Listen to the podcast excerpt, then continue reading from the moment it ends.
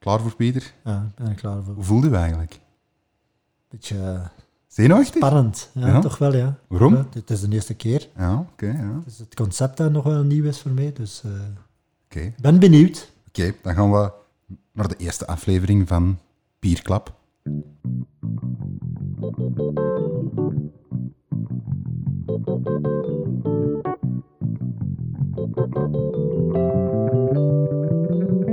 Bierklap. Bierklap. Hmm. Bierklap. Ja. Bierklap. Bierklap.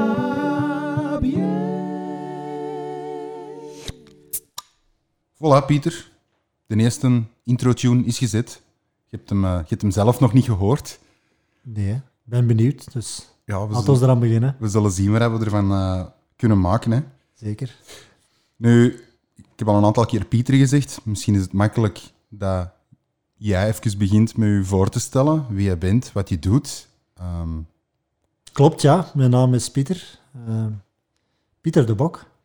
Ehm, Ik ben 37 jaar. Ik moet al eens een keer nadenken. ik weet niet wat dat een goed teken is of een slecht teken. dat kan door bier komen misschien. Ja, zou kunnen. Eh, 37 jaar. eh, momenteel ehm, productie-ingenieur bij de Musketeers. Sinds twee jaar hebben zij een eigen brouwerij. Mhm. Daarvoor brouwden ze bij de proefbrouwerij, maar nu de eigen brouwerij. Een fantastische brouwerij. Heel veel mogelijkheden, mooie installaties. Waar zitten ze juist? Sint-Gilles-Waas, Oké, in het mooie Waasland. oké. Eh, daar werk ik nu twee jaar. Eh, hiervoor ehm, heb ik eh, vijf jaar werkzaam geweest bij Brouwerij Anders. Mhm. Brouwerij Anders is vergelijkbaar met de proefbrouwerij ook een contractbrouwerij die dus eh, bieren produceert voor andere mensen. Ehm, ik heb daar vijf jaar gewerkt. Ik heb daar eh, in het prille begin van de brouwerij gestart. En de tweede, dus de nieuwe brouwerij, ook mee samengebouwd. Ehm, maar het verre Limburg was na een tijd te ver. Zeker van het Waasland. Zeker vanuit het Waasland. Dus eh, vandaar ook stelkens aan de stap gezet om dichter bij huis. En uh, Musketeers was daar een mooie oplossing voor. Ehm, daarvoor ben ik eh, werkzaam geweest nog bij Brouwerij Afligem, Mhm. onder- onderdeel van Heineken. En ook als productieverantwoordelijke. En mijn allereerste job na mijn studies, dat was Malterij Dingemans in Stabroek hier, waar ik ehm, ja, de knepen van het vak van het mouten heb kunnen leren. Eh, en daarvoor natuurlijk mijn studies, om dit alles te kunnen doen. Eh, mijn studies zijn, een, ik heb eerst een bachelor gedaan, eh, biochemie, en daarna een master industrie-ingenieur biochemie. Dus dat is een beetje mijn achtergrond, professionele achtergrond. Ehm,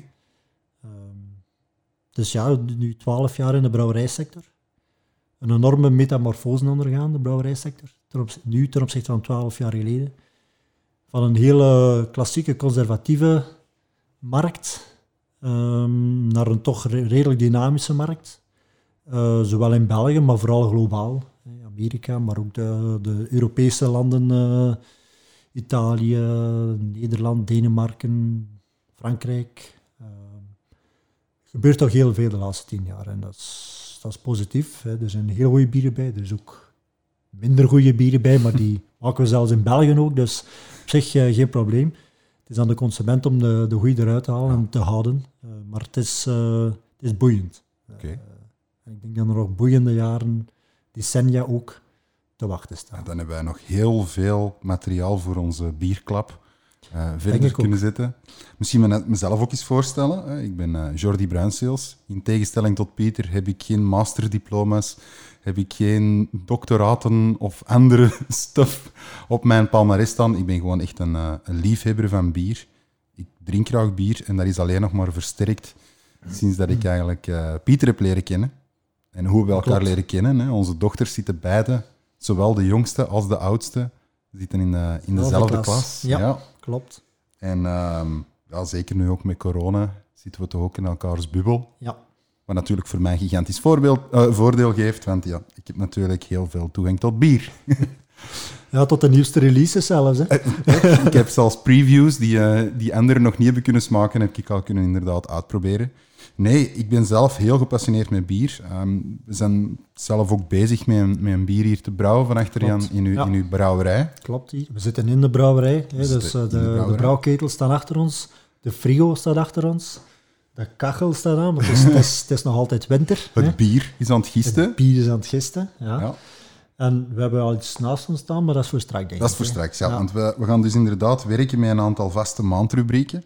Ehm, het tevens ook ineens uitleggen. We gaan proberen deze podcast één, één keer per maand te maken en uit te brengen. Eh, een vaste release dag hebben we nog niet. Eh, we zullen eerst zien hoe dat deze aflevering loopt en dan, en dan zien we al verder. Nu, even terug te komen op de, de rubrieken. Ehm, meestal werken we met een maandgast, die er ook van begin af aan zal bijzitten. Ehm, we- ze hebben al wat contacten aan het leggen Zeker, ja. voor, eh, voor volgende maanden, maar daar kunnen we momenteel nog niks over zeggen. Verder gaan we, gaan we ook praten over de road to beer. En wat bedoelen we daar eigenlijk mee? Ehm, het, het brouwproces van A tot Z, beginnende bij de grondstoffen tot op het einde, het bottelen van, eh, van het bier op flesjes of op aluminium blikjes, Blikjes. bijvoorbeeld. Verder hebben we dan uiteraard het belangrijkste van deze podcast, het bier proeven. Wat is daar eigenlijk de bedoeling van? In de loop der tijd zouden we graag hebben dat jullie luisteraars ons eh, jullie eigen bier toezenden, of bier dat jullie fantastisch vinden, en dat jullie ze willen professioneel laten recenseren door een master brewer, eh, Pieter, en eventueel een gast die er dan bij is, himself. Ja. Ehm, vervolgens zullen we nog spreken over die specifieke bierstijl eventueel, Ja, als we die Bierstijlen. niet besproken hebben. ja, klopt. We gaan ook nog wist je datjes proberen met jullie te bespreken. Wat verstaan we daaronder? Ja, weetjes over bier dat eigenlijk algemeen niet bekend zijn, maar toch wel een hele belangrijke rol spelen in het brouwproces van A tot Z. Het brouwproces sowieso. Ook, het, eh, de neva-activiteiten eh, rond het brouwproces, hè, die, die soms wel noodzakelijk zijn. En dan denken we aan eh accijnzen, Ja. de minder plezante... Ja.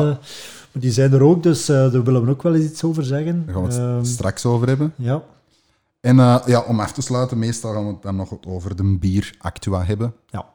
Dus Ja. misschien moet je dat eens even Nu- toelichten. Nu zeker. Hè, we zitten in een eh, hele actuele, actuele fase. De, de crisis die eh, enorm hard toeslaat.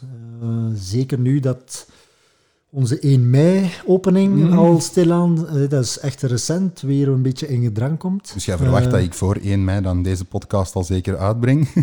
Ja, inderdaad. de, de tweede zelfs al. De tweede eigenlijk al, ja. Oké. Dus Nee. de Actua, ja, er is altijd wel eh bier Actua, nieuwe releases, nieuwe brouwerijen, ja, Nieuwe stijlen. eh, ja. Er gebeurt veel, zoals ik net zei. En meestal zullen we dan nog afronden met eh, de minder leuke kantjes van deze podcast, de correcties. De want, correcties. Ja. want niet alles wat wij hier verkondigen zal altijd waarheid zijn. Of Wij, misschien wij hebben we fouten trachten gemaakt. altijd de waarheid te vertellen Mhm. en niets dan de waarheid. maar eh, het, het- het, ja, ik weet ook niet alles. hè. Er zullen luisteraars onder ons en zijn nu- die het beter weten dan ons. Ja, daar gaan we vanuit. Right. Goed. Misschien, dat we misschien al vergeten te zeggen waar we eigenlijk zitten Ah. op dit moment. Misschien een heel Hè, belangrijke. want los van mijn professionele carrière heb ik ook nog een, een, een, een, een carrière als bijberoeper. Eh, niet zo interessant deze tijd als corona, want premies krijgen wij niet als bijberoeper. Maar kom, we maken bier en daar zijn we al gelukkig mee. Dus we zitten hier in Brouwerij De Bok, gelegen in Beverwaas. Eh, ik heb hier een proefinstallatie staan van 100 liter. Wel volledig geautomatiseerd, waar ik eigenlijk nieuwe recepten eh, ontwikkel. Zowel voor mezelf als voor externe, want ik doe ook een beetje consulting voor externe brouwerijen die nieuw op de bier op de markt willen brengen. En, ehm, dus dat is een beetje wat we hier doen. Eh, en voor mezelf natuurlijk nieuwe recepten, eh, om die dan later in grote hoeveelheden te kunnen gaan produceren. Nou, en het is niet wat je erbij moet voorstellen van huistuin en keukenbrouwerij. Ik heb het zelf al gezegd, het is, eh, het is vrij indrukwekkend. En we zullen er ook wel even eh, foto's van plaatsen op onze Zeker. website, dat Ja. je er toch een idee van krijgt. Ja. Eh, wat voor een coole, ja, verredelde mancave, moet ik het eigenlijk noemen. ik, het, het, het, komische is eigenlijk wel, ik heb onlangs ook een mancave gebouwd en dat is eigenlijk het eindstation. Dat is eigenlijk het café waar Pieter al zijn bieren brouwt. De leiding moeten we nog trekken. Ja, de leiding, oh, dat zou nog een interessant stuk zijn. Een rechtstreekse leiding van hier tot in mijn mancave. Uh. Ja. Misschien kan, zijn er mensen die van de Brugse Zot luisteren, die al wat tips ah. kunnen geven. Het gaat hem over een, een tweetal kilometer. Ik denk dat dat ongeveer hetzelfde is. Ja, dat zal ongeveer hetzelfde zijn. Dus uh, kunnen misschien al eens een budgetprijs doorgeven en dan ja. uh, kunnen we al eens verder kijken. Op naar de road to beer. I'm on the road. Yeah, I'm on the road. Yeah, I'm on the road. Yes, I'm on the road to beer. Yeah. Dus Pieter, de road to beer. Beginnend bij het begin uiteraard. Ja van elk brouwerijproces. Ik denk dat we dan moeten kijken naar de grondstoffen. Grondstoffen, ja. De grondstoffen zijn redelijk beperkt. Wilt je echt bier maken, zijn redelijk beperkt. We hebben nog altijd, uh, wij niet, maar Duitsland heeft nog altijd het reinheidsgebod. Dat zegt dat je bier mag maken met vier grondstoffen. Dat is namelijk water, hop, gerst of gerstemout en gist zijn onze vier grondstoffen. Met die vier grondstoffen brouwen de meeste Duitsers op dit moment nog hun bier. Wij in België doen dat ook, maar wij voegen al kruiden toe. Gekend van onze hoegaarden. Koriander, sinaas, dat zijn al gekende kruiden die wij graag gebruiken in bier. En anderzijds gebruiken we ook nog wel wat uh, natuurlijke additieven om de kwaliteit van ons bier uh, te verbeteren. Dus zoals ik al zei, water is natuurlijk, ja, het bier bestaat voor 90, 95 procent uit water. Dus water heeft zeker een impact op de kwaliteit van ons bier. Kwaliteit op de smaak. En niet zozeer op de kwaliteit, maar vooral op de smaak.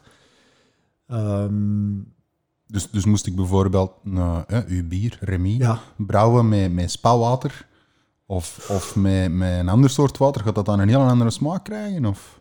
we gaan daar ook niet over roepen. Uh, het is ook een beetje afhankelijk van wat de andere grondstoffen in hoeveel die aanwezig zijn. Als we een IPA maken, dan ben ik er vrij van overtuigd dat water minder belangrijk is dan dat we pils gaan maken. Want pils is zo geraffineerd in het aantal grondstoffen dat we gaan gebruiken. Het aantal kilo's mout en het aantal, het aantal kilo's hop is redelijk beperkt, omdat het zo fijn is, dat water wel een impact kan gaan hebben. In pils? in pils. Hè. Pils is ook maar alcoholgehalte van 5%. Alcohol is ook de smaakgever van ons bier. We kunnen mhm. daar niet, om uh, niet, niet rond. Dat is ook de reden waarom het zo moeilijk is om alcoholvrij bier te maken. Omdat alcohol nog eenmaal smaak geeft aan ons bier. Het is ook veel makkelijker om een zwaar alcoholisch bier te maken. Hè. Dat goed smaakt dan een pils. Dus pils is op zich niet... Is dat, is dat dan speciaal omdat als je fouten maakt, dat die dan niet opvallen? Die gaan rapper, die gaan rapper, uh, die gaan rapper in het bier hey, merkbaar zijn. Okay. Uh, dus dat verklaart ook waarom eigenlijk de, de, de, de craft beer scene in België en daarbuiten uh, weinig met pils op de markt komen.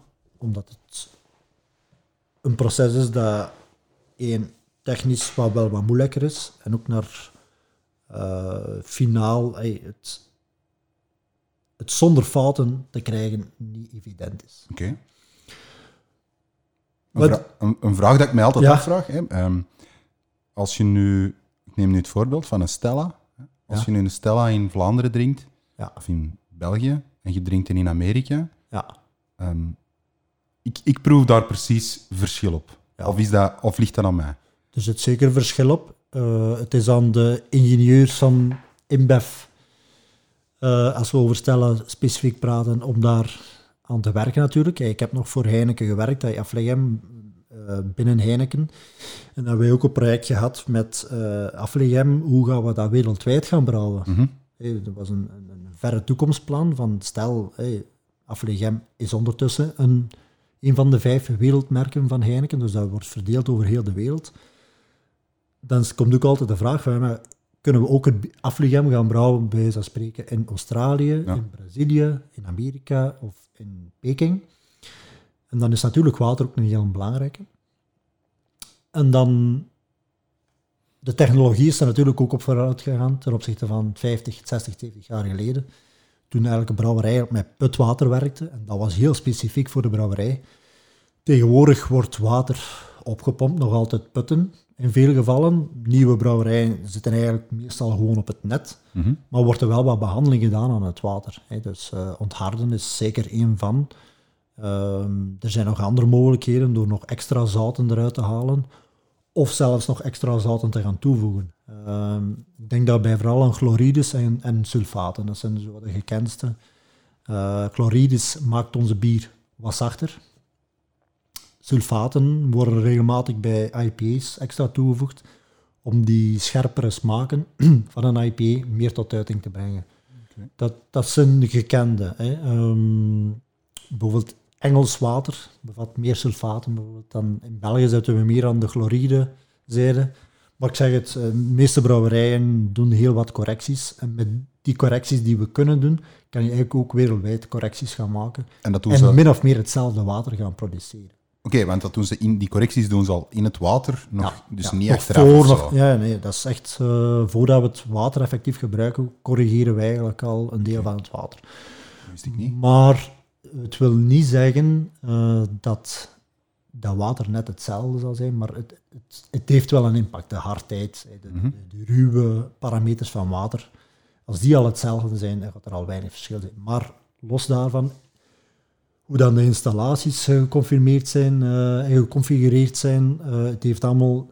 Niet iedereen kan op een bladje papier uitleggen van die eh, parameters zorgen ervoor dat dat bier zo smaakt. Het is zo complex. Ehm, we kunnen daar uren over doorgaan. Oh, we hebben nog Eh, heel veel tijd te Maar komen. een, een mooi voorbeeld daarvan is eigenlijk, eh, dus we, als, we, als we bieren gisten, doen we dat in lange, smalle, rechte tanks. Konische tanks noemen we dat. Eh, met koon.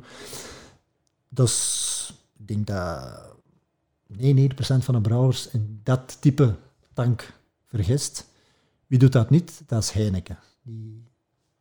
Vergisten hun bier op horizontale tanks. Dus die tanks liggen eigenlijk plat. Maar dat ma- maakt dus een wezenlijk verschil in de smaak. Of dat je die tank plat legt of die tank recht staat. En het grote, grote eh, verklaring omdat die andere smaken produceert, is dat de druk, de waterdruk eigenlijk, in die tank veel lager is bij een horizontale tank dan bij een verticale tank. Om je een idee te geven, als je een tank van 10 meter hoog hebt, er zit 10 meter vloeistof in, Mhm. kolom, dat is één bar druk van onder. Ja. Als die tank plat ligt en de hoogste waterkolom is 2 meter en half, Mhm. staat er maar 250 gram druk op. En dat je natuurlijk op die gist heeft dat een effect. En Dat effect gaat zich uiten in smaak en in de neus, want die gist gaat andere aroma's produceren omdat die in andere omstandigheden zit. Dan dat die onder 1 bar druk zit of onder 200 gram druk zit. En, en, Dus dat, dus dat zijn allemaal, in, hoe dat een, een brouwerij gecon- geconfigureerd is, maakt ook uit hoe dat je bier finaal gaat smaken. Dat is al maar één, hè. we kunnen nog over gisten ja, natuurlijk. spreken. Ja, want we, Nee, zijn, want- we zijn nu enkel en alleen over, over water bezig, maar je Ja, zegt er zijn inderdaad nee. nog vier, nog hebben drie onze- andere we hebben onze ingrediënten. gisten, hè, die heel fel gerelateerd zijn aan bierstijlen. Hè. We hebben gisten die eh, heel veel fruitaroma's produceren. We hebben, we hebben gisten hier in België gekend die eigenlijk zuren produceren, melkzuurbacteriën bijvoorbeeld. Eh, we hebben andere gisten die redelijk neutraal zijn eh, in smaak. Eh, we hebben gisten die ook wel zwavel produceren. De pils is daar een mooi voorbeeld van. Mhm. Waar we toch altijd een beetje zwavelgeur hebben. Ehm, dan, los van de smaak, is ook de capaciteit van een gist. Hoeveel suiker kan die opnemen? Hè? Hoe zoet gaat mijn bier finaal zijn? Of hoe droog gaat mijn bier zijn? Eh, mooie voorbeelden zijn een saisongist. Dat is een, ook een gist die zo uit het Henegouwse komt. Ehm, die heeft een neiging om heel fel door te gisten. Dat wil zeggen, die gaat bijna alle suiker eh, vergisten die uit de, de gerstenmout afwezig, eh, afkomstig is. Dat wil zeggen dat dat een redelijk droog bier is. Vergelijkbaar met een champagne. Ah, Dus ook en- en heel droog. En heb je een voorbeeld van zo'n soort bier dat, dat met zoiets gemaakt is? Saison Dupont is het meest, ge- Ah, eh, meest gekende saison. Ook een van de betere, al zou ik niet zeggen de beste saison in België. Ehm dat zijn heel droge bieren, vergelijkbaar met champagne.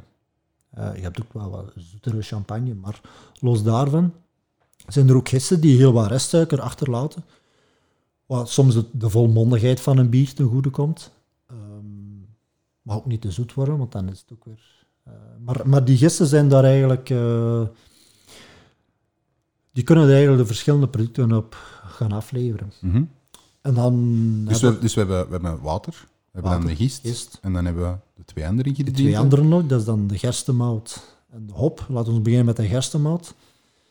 Eh, heel belangrijk product, ook ehm, de grondstof eigenlijk waar we uit alcohol gaan uit produceren. Dus gerstemout, eigenlijk hebben we hier gerst.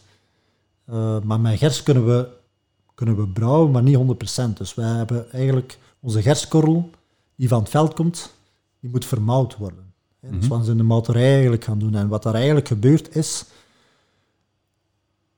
gaan nabootsen wat er op een veld gebeurt. gebeurt hè. Dus het, het moutproces zelf van gerst. eh, Gerst komt binnen een mouterij, die gaat eigenlijk geweekt worden. Dat is wat een gerstkorrel op de, op de akker ook zal doen. Als hij wordt gezaaid, hij gaat vocht opnemen. Want hij gaat zeggen, ah, ik zit hier in omstandigheden, ik wil, ik wil gaan groeien, ik ga vocht opnemen. Terwijl dat hij vocht opneemt, treedt er van alles in werking, namelijk de hormonen. Hè, like dat we bij de mens hebben, treden er bij de gerstenkorrel ook hormonen in werking. En die hormonen die gaan eigenlijk de enzymproductie gaan stimuleren. Want waarom gaat die enzymproductie stimuleren? Omdat hij van de zetmeel dat hij heeft in zijn lichaam, wil hij suikers maken, want hij heeft energie nodig om te kiemen. Dus hij, hij maakt enzymen aan om energie vrij te maken om te kiemen. En daar stopt het nu al in het maalprocent. Want wij willen eigenlijk niet dat er wordt gekiemd, maar dat die enzymen gemaakt worden. Want die enzymen die hebben wij nodig in de brouwerij om suiker te maken vanuit de zetmeel. Dus daar gaan we het dan ook stoppen, het kiemproces in de mouterij, door het te drogen. En dan hebben we gerstemout. Wat is gerstemout? Dat is eigenlijk een gerstkorrel met zetmeel en enzymen.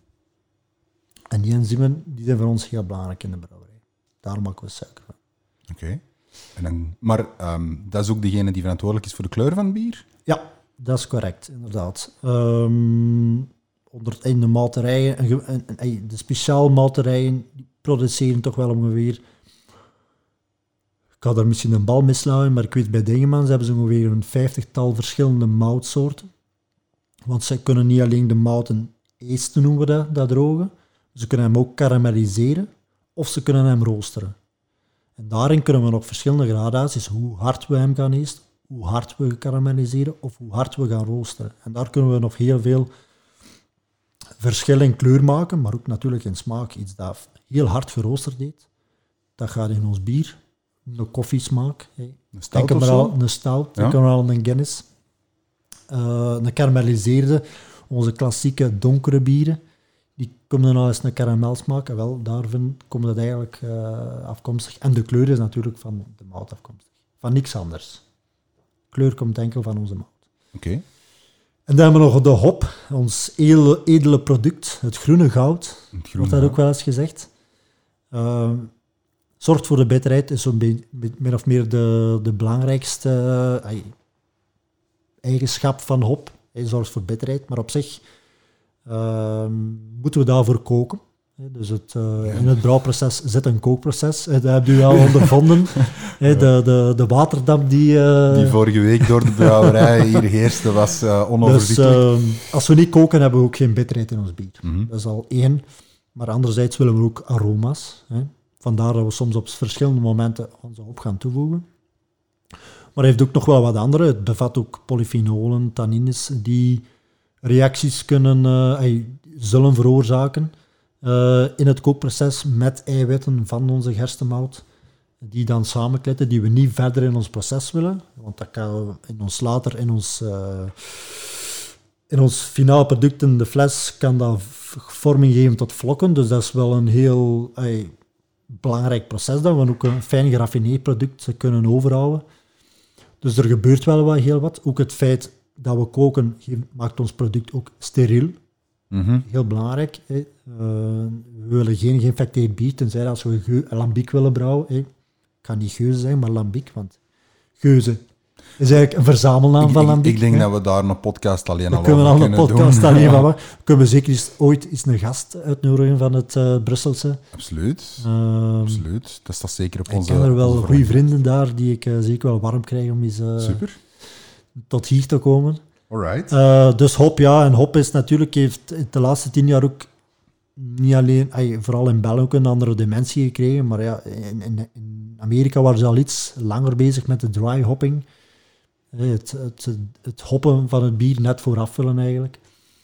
Eh, maar heeft hij een heel andere dimensie gekregen en wordt eh, ongelooflijk veel toegepast in de huidige bieren, vooral in nieuwe releases en nieuwe bieren. Ook bij de gevestigde waarde van brouwerijen komt het hoppige eh, toch meer en meer naar voren. Hè. Bijvoorbeeld brouwerij Palm, die ook een eigen hopveld geplaatst heeft. Er zijn er nog een...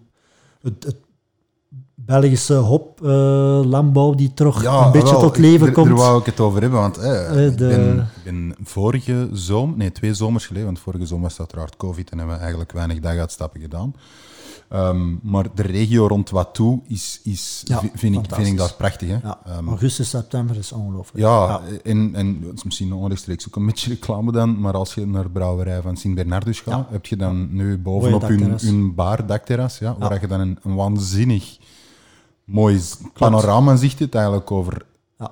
allemaal hopvelden, dat is prachtig daar. Ja. Dus het is ook gewoon cool, als je, want denk als je, als je er naartoe rijdt, dan kom je voorbij een aantal baantjes waar Eh, zowel links als rechts eh Gepasseerd hopvelden staan.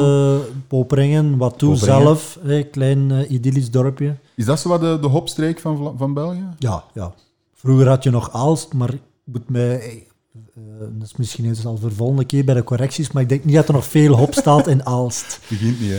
En ik wil ook geen ruzie hebben met Aalstenaars. Zijn het dan al... eh, Want, want hoe, hoe zitten wij op, eh op hopproductievlak in de, in de wereld? Zijn wij gewoon een minderheid? ja, nee, we stellen eigenlijk niks voor. eh, Nee? Nee, nee.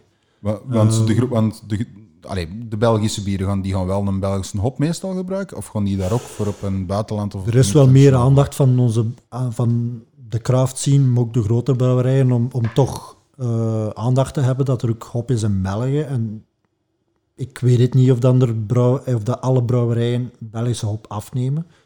Eh, ik weet wel in de brouwerij waar ik werkzaam ben geweest, ehm, dat dat altijd wel het geval is. Mhm. Was en is. Ehm, maar de productie is daar één veel te klein voor. Maar ik moet wel zeggen, de kwaliteit is wel top. Mhm. Ik ken persoonlijk ook wel de boeren zelf, eh, die ook altijd wel aanwezig zijn op eh, congressen en eh, conferenties.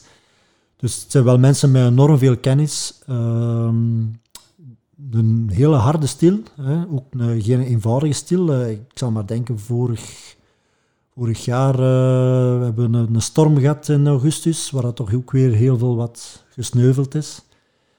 En het is niet de, de- niet de sector die ook, eh, landbouw in, het- in, zijn algemeenheid, eh, is niet de sector waar het, eh, de centen voor Ja, wou liggen. Dus, eh, het is, het is, het is, ja, ik denk niet dat je zomaar kan beginnen vanuit het niets. Om, ik denk dat het ook iets is van historisch, van vader op zoon. En zij doen het nog altijd en zij breiden wel wat uit, omdat er natuurlijk terug wat meer vraag is. Maar ik denk niet dat je moet zeggen van, ah wel, ik ga nu hopvrouw verbouwen. Ik denk dat het moeilijk zal zijn. Eén, de kennis en twee, ook ja, de, de x aantal jaren die je nodig hebt. Eens dat je wat productie hebt. En de arbeidintensiviteit is recht, recht vrij hoog. Hè. Ik zou het graag eens een keer willen doen. eh, Zeker. een dagje gaan meehelpen Oh, om... Misschien, misschien, eh, zijn er wel mensen die Ja. naar deze podcast luisteren en denken, ja, ik ga de Pieter en de Jordi een keer uitnodigen. Die mogen hier gratis en voor niks op mijn veld komen werken. ja, zeker. Bij deze bieden wij ons aan. Ja, Oké, goed. Nee, dat, is, dat is eigenlijk stap 1 van onze, van onze Road to Beer. Volgende, volgende maand zullen we, ehm, zullen we verder gaan met stap 2 van het, eh, van het brouwen. En dat is... we hebben de grondstoffen en nu gaan we in de ketels duiken. Hè. In de ketels duiken. Ja. Dus gaan we beginnen met de eerste stap, het maïsproces. Het maïs. We- Niet, maïs. Niet, niet, niet, te, niet te verwarren met maïs. Ja, ma nee, maïs, ik denk dat het... eh, ik heb er eigenlijk nog niet echt bij stilgestaan, maar ja, het is... eh, bierbrouwen blijkt... Het blijft nog altijd... eh, Duitsland is nog altijd het moederland van het bier. Ik denk dat het daar een beetje uit afleiden is, het maïs. Dan zullen we een beetje Deutsche Dan zullen we tegen volgende maand de, de betekenis van maïs helemaal hebben opgezocht en Ja. kunnen we jullie dat Ja. uitleggen. Prima. Over naar het volgende.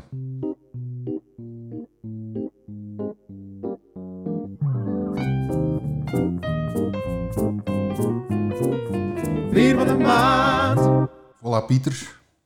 We zijn bij het belangrijkste, voor mij dan toch, en zeker tijdens deze podcast, gedeelte gekomen van, eh, van Ja. Bierklap. Het bier proeven. Bier proeven, ja. Natuurlijk, we moeten, we moeten ergens beginnen. Hè? We moeten ergens beginnen. En- En dan kunnen we niet beter doen dan een van uw eigen bieren nemen. Klopt. Ja, Eh, denk ook tevens uw, uw, uw meest verkopende bier. zeker. Ja. Ehm Vertel er eens iets over. Wel, Remy. We, we gaan onze Remy eh, drinken. Ehm Remy is misschien eerst zeggen van waar dat de naam komt. Mhm. Remy was mijn grootvader. Eh, ondertussen is hij er niet meer. Hij heeft ook nooit geweten dat er bier naar hem is genoemd, want hij is in 2013 gestorven. En in 2014 ben ik met dit bier eigenlijk commercieel gegaan, of begonnen. Maar ik was wel al jaren daarvoor bezig om een receptuur samen te stellen. Ik ben denk ik beginnen brouwen zelf in 2009 met een kleine installatie van 50 liter. En ik was daar heel kritisch in voor mijn eigen om commercieel tour op te gaan. Dat moet echt iets, iets goed zijn. En daar heb ik toch wel vijf jaar en 50, 60 brouwsels voor gemaakt Voor Remy. om Remy tot, tot, tot stand te laten komen. Ehm, en mijn grootvader, dat was toen nog op eh, mijn, in mijn ouderlijk huis dat ik toen brouwde. En we hadden daar ook een bedrijf. En mijn grootvader kwam daar regelmatig. En eh, ja, die moest ook altijd eens een keer komen proeven waar ik mee bezig was. hè. Maar hij, hij wist wel dat je, dat je Hij iets ik- brouwen was, Ja, ja. maar niet dat het naar hem ging genoemd Nee, worden. nee, en dat wist ik zelf ook niet. Oké. Ehm, en het is eigenlijk pas een half jaar nadat hij gestorven was, dat, ik- dat ik eigenlijk zei van ja, ik heb wel een bier, maar ik ben een naam en... He- Heeft hem het in zijn huidige vorm nog kunnen proeven? Had je, Eh, had je de finale receptuur al denk toen wel het dat nog hij min of meer het er direct bij zat wat hij heeft gedronken. eh, dat klopt. Ja. Maar het was niet echt op zich een bierdrinker. Uh-huh. Ehm, maar het, was voor mij altijd wel een persoon die er heel mijn leven, heel mijn jeugd... Ik zei het, we hadden een, een tuinbouwbedrijf, dus dag in dag uit zat hij bij ons thuis te werken in de serre. En ik ook, hè, vanaf mijn zeven jaar in die tijd. Dan mocht dat nog, hè, om zes uur morgens de serre in. Nu steken ze ons in het eh, gevangen als we ja, dat doen. Voilà. Dus ik had er wel enige... ehm, ik keek er wel naar op eigenlijk, naar de, en als persoon. En zelfs dat hij 90 jaar was, kon ik hem als 20-jarige niet volgen. In, in, in het tempo van het, eh, van het werken. Dus het was, het was een opmerkelijke mens. Ehm, en vandaar dat het ook een mooi eerbetoon was om, hem, om, om toch een bier te gaan Mhm. te kunnen vernoemen naar hem eigenlijk. En zo wordt dat ook niet vergeten. En ik vond het ook nog een mooie klinkende naam. Ehm, ik wou zeker geen eh, belachelijke of wat je soms ziet eh, van naam. Het mocht wel iets wat meer stijl hebben. En Remy ehm, vond ik een goede naam. Maar los daarvan, onze Remy is eigenlijk een, ehm, een klassiek blond. Eh, klassiek is misschien al een vuile woord tegenwoordig. Uh, klassiek in die zin, het is een, eh, een bierstijl, ik het is eigenlijk een mix van twee bierstijlen. Enerzijds is het een, eh, past het in de bierstijl Abbey Blond, hè, dus een ehm, de bierstijl Abbey Blond. eh, hoe, hoe dat eigenlijk een bierstijl tot, tot stand komt, is eigenlijk te maken met de kleur van het bier, de bitterheid van een bier, eh, het alcoholgehalte van een bier, eh, wat de neus en de smaak, al die parameters samen, geeft, komt kom je tot een bierstijl. Mhm. En ik heb gezegd, het is eigenlijk wel een mix van twee bierstijlen. Het past vooral in de Abbey Blond stijl. Wie zit daar nog onder? Uh, Affligijn Blond bijvoorbeeld. Uh, kan er nog... Uh, Omer zit daar ook nog wel wat bij. Um, zit daar ook wel wat bij. Uh, Brugse Zot. Oké. Okay. Um, Eename. Dus die type bieren die zitten eigenlijk in, de, in die categorie. Maar het is ook een beetje een, een bittere toets. En um, hij heeft ook uh, op de Brussels Beer Challenge in 2019 een prijs gewonnen in de categorie van bitter blond. Dus het zit ook in... Het, het, hangt er wat tussen de Abbey Blond en de bitter blond. En wat maakt het verschil? Ja, de naam zegt het zelf. Het is redelijk bitter. Misschien net te bitter om in de stijl van een Abbey te zitten. Het zit meer naar een bitterheid van een Westmalle triple. Eh, mensen die graag Westmalle triple drinken, gaan dat wel merken dat dat wel bitterder is dan de klassieke afleggen of Mhm. een Brugse zot. Eh, dus dat, dat is al een, een aspect van, van dit bier die voor mij belangrijk was, dat er toch een, een bitterheid in zit, die, die aangenaam is, die, die, die smaakt naar meer. Eh, en dat was wel iets dat in de jaren 90 en begin jaren 2000 een, een dalende trend was in bier in het algemeen, dat die altijd maar zoeter, zoeter en zoeter werden. En de laatste tien jaar is die, is die trend wel omgedraaid. Is dat door bijvoorbeeld de komst van IPA's of zo? Durf ik niet direct zeggen of dat, dat daardoor komt. Ehm, maar dat, dat in de geschiedenis altijd een yo-yo geweest. En, om, Mhm. en, en de referentiepunt is eigenlijk wat de pils. De pils in de jaren 70, 80 was redelijk bitter. Dus in de jaren 90 redelijk verzoet. Een Belpils bijvoorbeeld. Oh nee, ik kan, ik kan geen specifiek naam noemen. Het is Oké. in het algemeen zo. De pils, dat, dat gaat zo wat samen. En, en ik, ik denk dat het een 10, 15 jaar geleden is. hè, Is Bavik zo wat naar boven gekomen van hè, beste pils. Of, eh, en, en dat was ook niet toevallig de meest bittere pils. Dus dat was ook een teken van, tja, mensen hebben toch terug graag iets bitterder. En eh, ja, ik heb vooraf Ligem, Heineken, Elke Maas zit daar ook onder. En Elke Maas is daar ook een beetje in meegegaan. En, en Jupiler en Stella is daar ook wel een beetje in meegegaan. En ehm, nu deze tijd, ja, met de IPA's zal zeker het helpen om mensen met bitterheid is meer aanvaardbaar dan pakweg 20 jaar geleden, waar we een enorme opmars, opmars hadden van die fruitbieren, die zoete bieren. Eh, Want, want even los, los van de remi, waar je daar dan zegt, wil dat dan zeggen dat, dat, dat pilsen, hè, ik denk eraan, hè, ik ben hier een leek in, deze, Ja. in dit verhaal, eh, dat een pils met de jaren heen ook totaal van smaak verandert. Ah, ja, hè? Bijvoorbeeld, als ik nu een Jupiler van de jaren 60, 70, als dat er toen al was, denk ik, dat weet ik eigenlijk niet, zou ik ook niet durven zeggen. eh, smaakt dat helemaal anders dan, dan die van vandaag? Ja. Kunnen we er ook nog eens een, een aparte aflevering over maken, maar ehm, bier verandert is continu onderhevig aan wijzigingen. Eh, en niet zozeer wijzigingen van de maker zelf, maar van onze grondstoffen. Oh ja. Dus eh, onze grondstoffen, eh, we, we hebben ze daarnet even besproken. Ja. Ehm, mout, eh, gerst eigenlijk op zich. we gebruiken niet alleen gerst, we gebruiken nog, nog tarwe, rogge, haver, we kunnen dat ook allemaal gebruiken. Maar dat zijn producten die jaar na jaar worden verbouwd. En niet elk jaar is die kwaliteit van die producten even goed.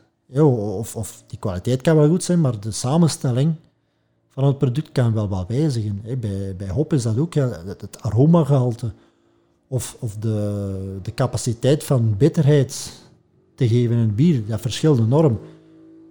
En dus dat is wel heel belangrijk ehm, dat wij met heel veel variabelen zitten. Vergelijk dat altijd met een beetje wijn, ma Ja, met wijn maken. hè. Met wijn net naar refereren eigenlijk. onze grondstof is eigenlijk de druif. Hè? En het sap eigenlijk.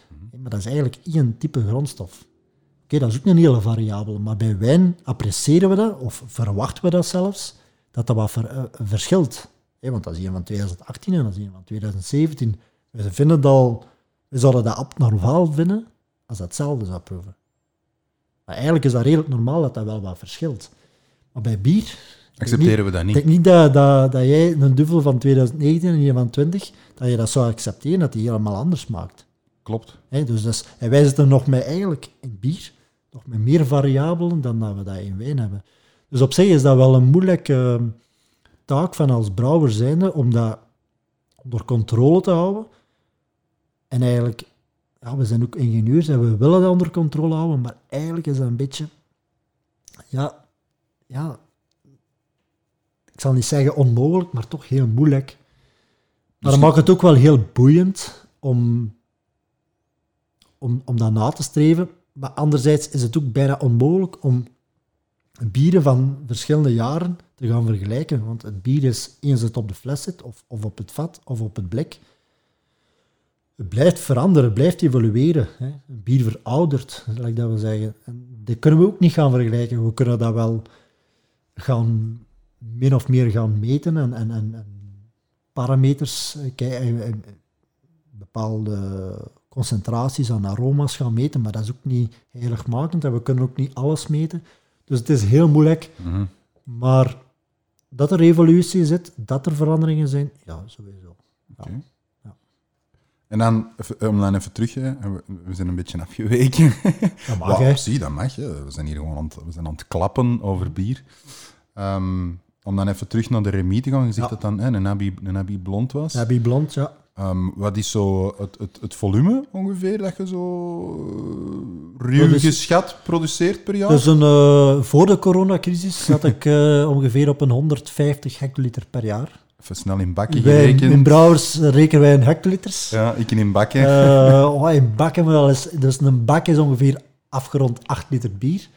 Dus dat zijn 12 bakken per hectoliter. Dus 12 naar 150. Dus dat is ongeveer een 2000-tal bakken. je kan sneller rekenen als ik in ieder geval. 2000-tal ehm, bakken per jaar die ik eh, aan de man breng.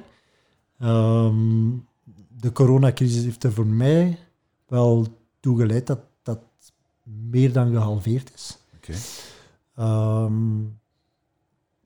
Dus bij deze een warme oproep. Ja, sorry, Ja. ik was even aan het drinken. Ja. Eh, bij deze een warme oproep, koop Remy. Ja, zeker. Eh, het blijft, eh, het blijft een goed bier. Het is een, en ik zal zeker niet verdwijnen door de crisis.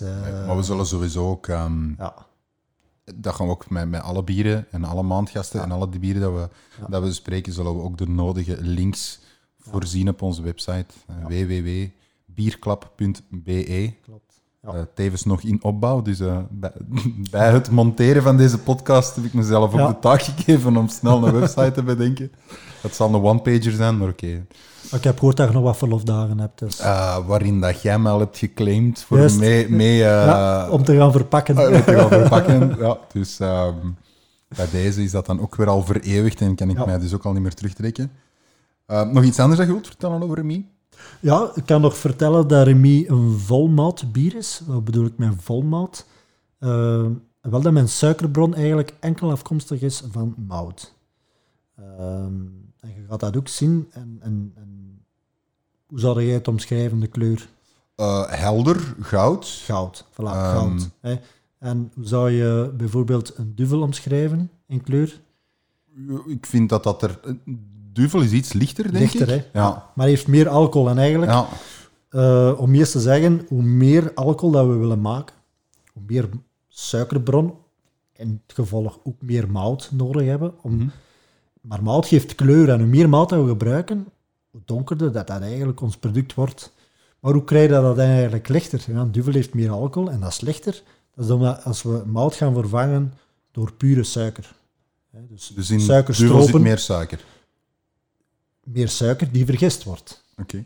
Dus het is niet, niet dat, dat, zo, dat dat dan zoeter is of, of, of dat je daar dikker van wordt. Dat je daar eigenlijk Want wordt dat gedaan? Gewoon afgevuld met nog suiker bij, achteraf of zo? Of Nee, nee, is dat dus, puur nee, door de dus, dus, eh, suiker wordt op twee momenten toegevoegd. Eh, normaal in kookproces, iets voor het einde van het koken, zodat het mee gesteriliseerd Echt wordt. manueel kristalsuiker erbij? En, eh, nee, dat is meestal stropen. eh, Ah ja. Suikerstropen die automatisch worden toegevoegd. Kan de rijst ook, siroop van de pannenkoeken? in donkere bieren zijn Ja, er... toch? Kandijsiropen worden ook gebruikt in donkere bieren, klopt. En anderzijds, voor een hergisting op de fles we ook nog een heel, beetje, heel klein beetje suiker meegeven. Dat is ook altijd in de vorm van st- suikerstropen. Om net nog die extra CO2 in de fles eh, te voorzien.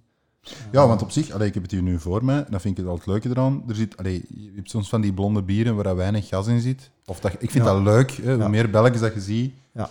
Deze, ja, dat is typisch wel onze leuk. cultuur hier in België, dat we graag CO2 hebben in ons eh, bier. Ik wel. We zijn daar vrij uniek in, in de wereld. Mhm. Uh, je moet maar hier 20 kilometer verder gaan, dan zit je in Nederland. Hebben ze het graag wat platter. Ja, en als Uh, je maar ik 50 ben dat ook eerlijk gezegd beginnen appreciëren, het, het, het laag Toch? CO2. Ja, Ehm, maar het, is, het hangt ook heel af van bierstijl. Ehm, sommige bierstijlen zijn lekkerder met een lager CO2-gehalte. Maar toch, ja, je bent een Belg, je bent een Vlaming. Je hebt toch graag dat, dat prikkel in je mond. En, ehm. Ja, ik, ik en dat is, ook, dat is ook iets heel belangrijk dat we nog veel gaan horen terugkomen.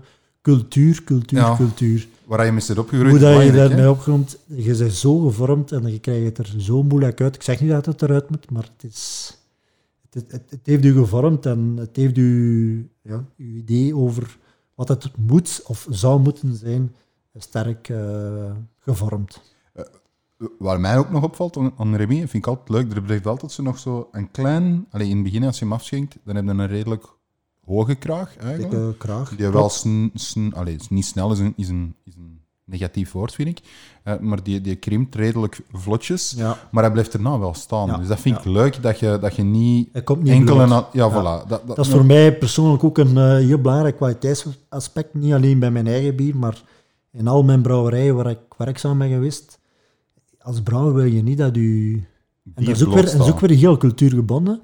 Want in Nederland geven ze daar, om op zijn Nederlands te zeggen, geen moer om. Hè?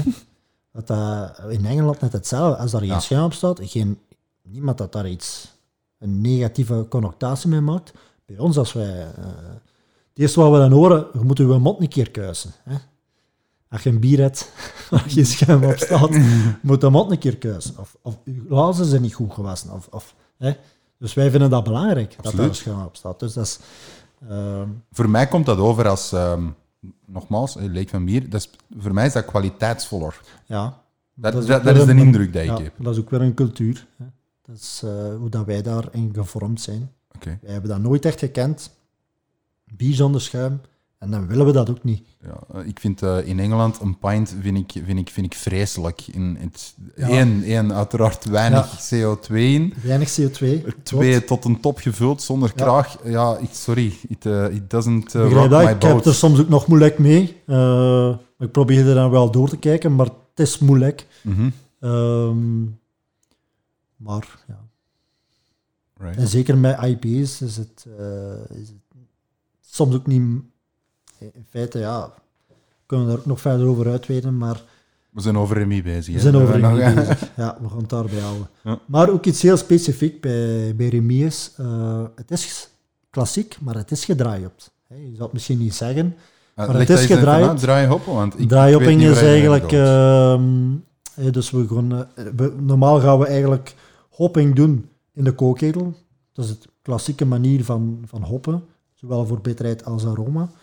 Ehm, maar draaihopping is eigenlijk de techniek dat we nog hop gaan toevoegen nadat de gisting gedaan is. Dus we hebben het kookproces waar we eigenlijk ons suikerextract gaan koken. We gaan dat samenbrengen met gist op een temperatuur van, naar gelang wat bier dat we maken, plus minus 20 graden, 25 graden.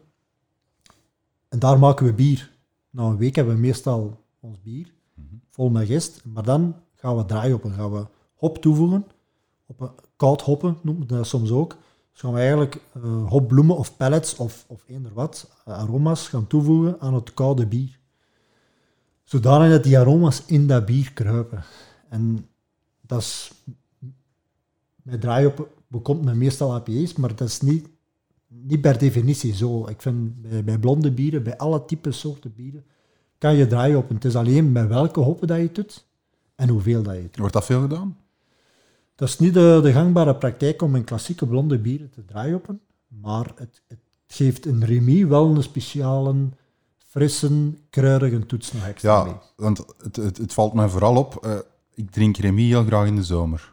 Ja, ja. Ik En- drink en- a- a- alle seizoenen, hè, want Ja. ik heb hier een onbeperkte toegang tot. En hop natuurlijk heeft ook de, de, de aangename eigenschap eh, dat het aanzet om, om nog een te drinken. Ja. Of, en, en in Duitsland heeft men, er een, heeft men er een mooi woord voor. En dat is de Bekomtlichkeit.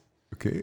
Ik bekomme nog gerne einde. Hè? Dus ik wil graag nog ene, en Jawohl. dat komt daarvoor. dat is goed. eigenlijk die hop dat ervoor zorgt. Die bitterheid, die aroma's, eh, die aangename aroma's. En het heeft eh, alleen maar positieve eigenschappen. Oké. Dus we zetten het op onze website.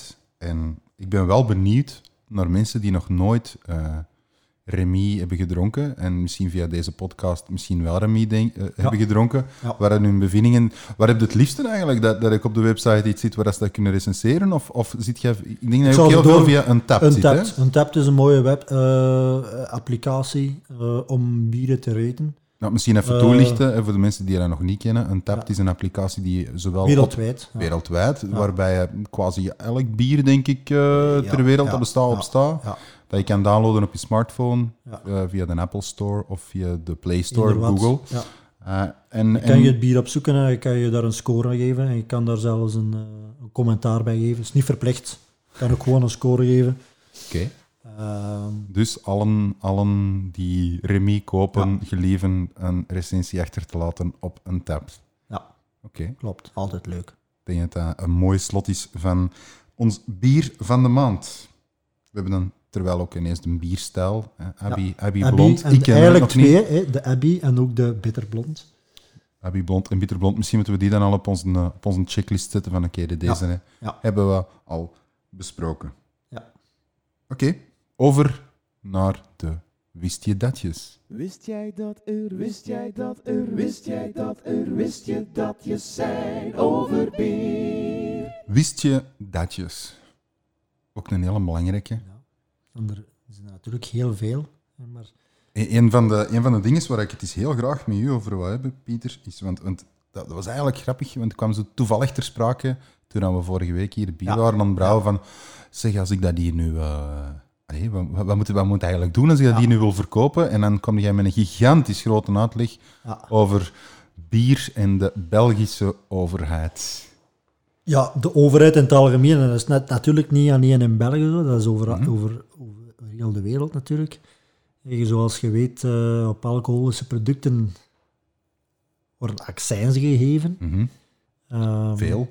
Redelijk veel, ja. Daar zou we straks wel toe komen. Daar zou je van verschieten hoeveel eh, euro's per liter eh accijns worden betaald.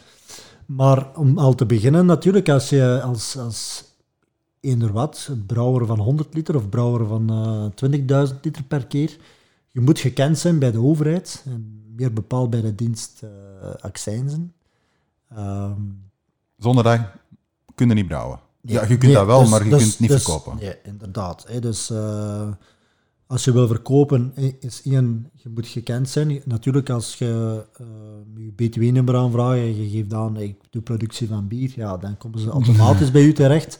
Van, ja, en we hebben installatie. dus je gaat er nooit eh, van onder geraken eh, om het zonder, zonder weten van accijns bier op de markt te zetten. Alhoewel, trouwens, toen ik...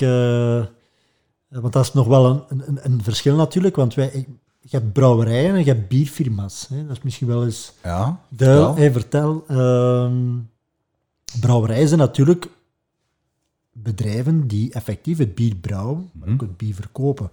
Maar tegenwoordig hebben we ook de, eh, de, de term bierfirma. En de term bierfirma is in het leven geroepen voor mensen die eigenlijk hun bier in een brouwerij laten maken. Hè? ja. Daar eigenlijk het bier kopen, hun eigen bier laten produceren, kopen en dan eigenlijk doorverkopen onder hun naam. Mhm. Dat noemen we eigenlijk bierfirma's. En die betalen eigenlijk, of, of het accijnsgedeelte zit bij die brouwerij waar ze het produceren en kopen. Dus zij betalen daar eigenlijk de accijnzen. Ehm, en ik ben eigenlijk ook zo gestart. Hè. Dus ik werkte Als bij- bierfirma. als bierfirma, omdat ik bij Brouwerij Anders werkte. En daar waren, wij, waren dat onze klanten, de bierfirma's. Dus ik was eigenlijk een van de klanten ook van Brouwerij Anders in het begin. En toen ik dan in de krant kwam in 2014 van hey, nieuw bier, eh Bevers bier, hey, Remy Blond. Eh, ik was in Limburg, ik was aan het werken die dag dat hij in de krant kwam. En die, diezelfde morgen stond er hier al iemand aan de deur van Accijnzen. Mo, zo snel. Zeg, jij produceert een bier en wij weten van niks. Dus ze zit er heel kort op. ze zitten er eh, heel kort op, maar, maar ja, dat is geen verwijt naar hun, maar ze lopen eigenlijk altijd wat achter de feiten, want zij hadden blijkbaar op dat moment, in die periode, dat eigenlijk die term wel vijf, zes jaar bestond, eh, hadden ze daar blijkbaar nog geen clue van dat dat, dat, dat zoiets kon. Hè? Dus, Iemand, ze- ze- de, dus de overheid wist niet dat, het, dat er zoiets was zoals een bierfirma? Of, Blijkbaar, blijkbaar nog niet in die mate dat dat bij hun niet opkwam van, zouden die misschien eerst eens bellen en vragen wat zijn activiteiten zijn. Hè? Nee, nee, ze stonden direct aan de deur van, zeg, dat klopt hier wel niet, je hebt nou, je hebt, jij staat niet gekend. Hé, hey, zwart, kost dat direct uitleggen. Stond eh, de brouwerij hier toen van achteral? Nee, nee, nee, er stond nog niks toen, dus eh, nee. Gelukkig. Maar ik had mijn accijns betaald. Dus aan de brouwerij, waar ik het had eh, bij brouwerij anders. Hè. Dus, maar los daarvan, dus eh, als je wilt brouwen, wat, wat willen zij weten van u? Ja, dat je één, een attest kunt voorleggen van goed gedrag en zeden. Dat heb je nodig voor Dat bier heb je nodig om bier te Dus brouwen. als ik in het gevangen heb gezeten en ik Nee. denk, ik kan mijn leven verbeteren, ik mag nooit bier brouwen. kans is dan klein dat je dat Mm. nog gaat mogen. Mo. Ja, dat is al iets heel absurd. Maar dat is toch frappant? Dat Ja. is toch... eh, Ja, dus dat moet effectief voorleggen. En je moet ook altijd eh, een, een, een tweede persoon... Ik ik ben eigenlijk hier alleen, ik ben een eenmanszaak. Ja. Ehm, maar ik moest van de accijnzen ook een tweede persoon... een, een, een- als ik er niet meer ben, moest er een tweede persoon op de papieren staan van ja, maar als jij er niet meer bent, wie, wie is dan verantwoordelijk? Wie, van, bij Dus- wie gaan we het geld halen Ja. dan? Dus dan heb ik mijn vrouw opgegeven. ja, maar die moest ook een papier gaan opvragen van goed gedrag en zeden. Dus, dus die, die, die, een, die een opvolger die er eigenlijk totaal misschien eventueel niks mee te maken heeft? Die heeft dat ook nodig. Hè? Dus ehm allee, dat zijn al het begin van de Absurde. absurditeiten hè, die er soms worden gevraagd. Maar dan komen ze natuurlijk ook langs en dan komen ze kijken van ehm, ja, in welke, tot welke capaciteit zijn er mogelijk om bier te brouwen. Oké, dat was dan... Dat was dan Dan komen ze op bezoek. Je vraagt dat aan, van kijk, ik heb een brouwerij staan, ik wil dat gaan gebruiken en ik wil daar bier Mhm. Ja. produceren en gaan verkopen. Kun jij alsjeblieft mijn installatie komen keuren? dus zij komen uw installatie Zij keuren. komen mijn installatie keuren. En, en Voornamelijk het eindproces waarschijnlijk. Waar nee, ze nee, nee, ja, ja, ja, die proeven ze al eens graag. maar ze komen dus vooral kijken tot waar je in staat bent. Hè. Eh, en dat wordt ook allemaal natuurlijk op papier gezet, tot wat dat je eigenlijk in staat bent. Eh, er zit ook heel veel verschil op, want ik heb overlaatst nog een verhaal gehoord. Bij mij zijn ze gewoon gekomen en gezegd, ah ja, op de papieren staat hier 100 liter. Oké, jij kunt 100 liter per keer brouwen. Ik heb consulting voor een brouwerijtje gedaan uit eh, Bierbeek, eh, de dorpsbrouwerij uit Bierbeek, toffe gasten. Die hebben een Chinees brouwerijtje gekocht van 300 liter. Daar had, want dat zijn ook allemaal aparte diensten, Wat, in China? in China een brouwerijtje gekocht Ja. Eh, van 300 liter. Installatie mij, van mij is 100 liter, bij hen was het 300 liter. En zij wouden ook die aanvraag doen en laten keuren. En daar zeiden ze, accijnzen van die regio, maar je moet hier eerst eh, een, eh, een externe firma laten komen die dat allemaal gaat uitmeten. En daar willen wij, dat rapportje willen wij zien hoeveel liter dat daarin kan. Maar we hebben het over die brouwerij in China dan. Nee, nee, over die brouwerij in Bierbeek. Ah ja. Die die installatie, installatie gekocht heeft in China. Ah ja, ah, ja oké. oké. Ja, dus ja, ik wil alleen mee. maar Ja, ja, zeggen, er zijn verschillende, hey, accijnzen wordt onder- onderverdeeld in verschillende diensten over heel Vlaanderen, heel België. Ja. Dat zijn dan, hey, wij zitten nu, ik zit hier in de regio bij Gent. Mhm. In Bierbeek is dat de regio Leuven of, of allee, er hanteren ze andere, zal ik maar zeggen, eh, bij mij, ik moest dat niet laten keuren, daar moesten ze het wel laten Maar. keuren, van hoeveel liter dat daar effectief in kan. Dus er is wel wat, wat Typisch Belgisch eigenlijk. Inderdaad, ik zou het ook zo, zo durven omschrijven. Maar dus dat wordt effectief gekeurd en dan eh krijg jij, moet jij een waarborg eh, storten ehm, van de accijnzen dat jij gaat produceren. Dan zij al, dat zij een borg hebben van wat je altijd in productie hebt. Ze willen dat eigenlijk al hebben. Hè? Want anders wordt het pas accijns gegeven als het bier verkocht wordt. Maar eigenlijk willen zij al accijns vanaf dat het geproduceerd wordt. Dus je moet een borg betalen. En dat is gebaseerd op wat je gepland te gaan brouwen op jaarbasis. Daarom moet je altijd een borg betalen. Voor een grote brouwerij gaat dat rappelen naar 50.000 euro. Maar, maar hoe moeilijk is dat nu? Allee, stel nu, ik, ik, ik ben een, morgen een beginnende brouwer, ik wil een brouwerij starten. Ik weet eigenlijk allemaal nog niet goed wat ik kan doen, maar je moet, Ja. toch, al een, je moet toch al een storting gaan doen Ja, ja. van, van iets dat je niet weet. Ja, waar dat jij planten gaan brouwen, moet je eigenlijk al gaan prefinancieren. Hè. Dat is de staat eigenlijk. Hè. Wij moeten eigenlijk de staat prefinancieren, zodat de staat kan draaien. Daar komt het eigenlijk op neer. Dus stel met ons belastingen. Eh, ja, klopt. We zijn nu 2021. Ik moet persoonlijk mijn geld nog terugkrijgen van 2019. ik wil maar zeggen, wij pre- prefinancieren de Ja. overheid. Los daarvan, eh, voor mij is dat, is dat heel beperkt. Ik heb toen 400, 500 euro moeten betalen Nogmaals, op wat ik plan te gaan brouwen. bovenop waarschijnlijk die keuring, die, die zal ook niet Nee, gratis nee. geweest zijn. Dat Dat, was, dat was wel... ja, ja. Oké. Uh, en dan ehm, zeg, zeg je eigenlijk, krijg je een accijnsnummer. Ja. En dat wordt dan eh, in tien brieven uitgelegd dat je mocht gaan produceren. Tien brieven.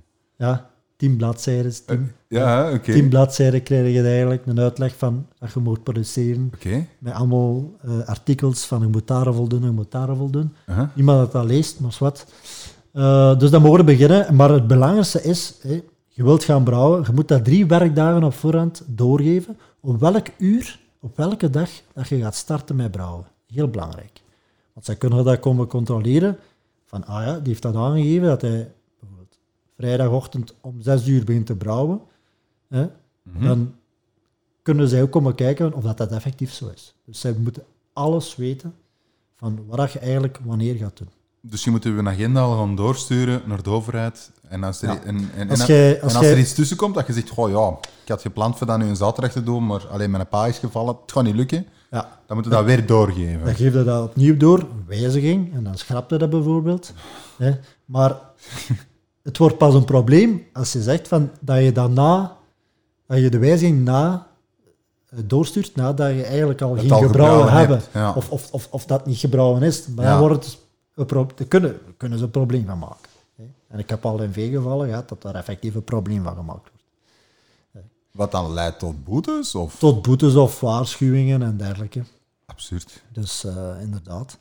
En dan, ehm, dan kun je dat brouwen en dan weten zij effectief wat, dat jij, wat jij allemaal produceert. En dan finaal wat dat jij gaat verkopen, kunnen ze dat eigenlijk allemaal gaan traceren. Want je moet ook eigenlijk bijhouden wat je aankoopt van grondstoffen. Want vanuit die grondstoffen, vooral mout, ga je uiteindelijk alcohol maken. Dus zij willen een balans continu zien van, kijk, klopt dat? Hij zegt dit jaar dat hij zoveel liters gebrouwen heeft. Daar heeft hij eigenlijk zoveel kilo's mout voor nodig. Heeft hij die effectief aangekocht? Is dat te weinig? Is dat te veel? Dan moeten zij allemaal kunnen... Dan moet je allemaal kunnen aantonen en kunnen zien bij controles. En, en, en allee, want we zitten hier natuurlijk met een natuurlijk proces. Dingen gaan al eens fout. What if? Wat als het fout gaat? Ja, dan moeten ze zeker altijd een verklaring voor geven. En al een trick is uitgevallen. Bijvoorbeeld of er is een klep blijven openstaan en alles is naar de riool gegaan. Eh, dat geloven ze ene keer. De tweede keer eh, hebben ze al wat bedenkingen. En een derde keer dat staan ze hier. Hè.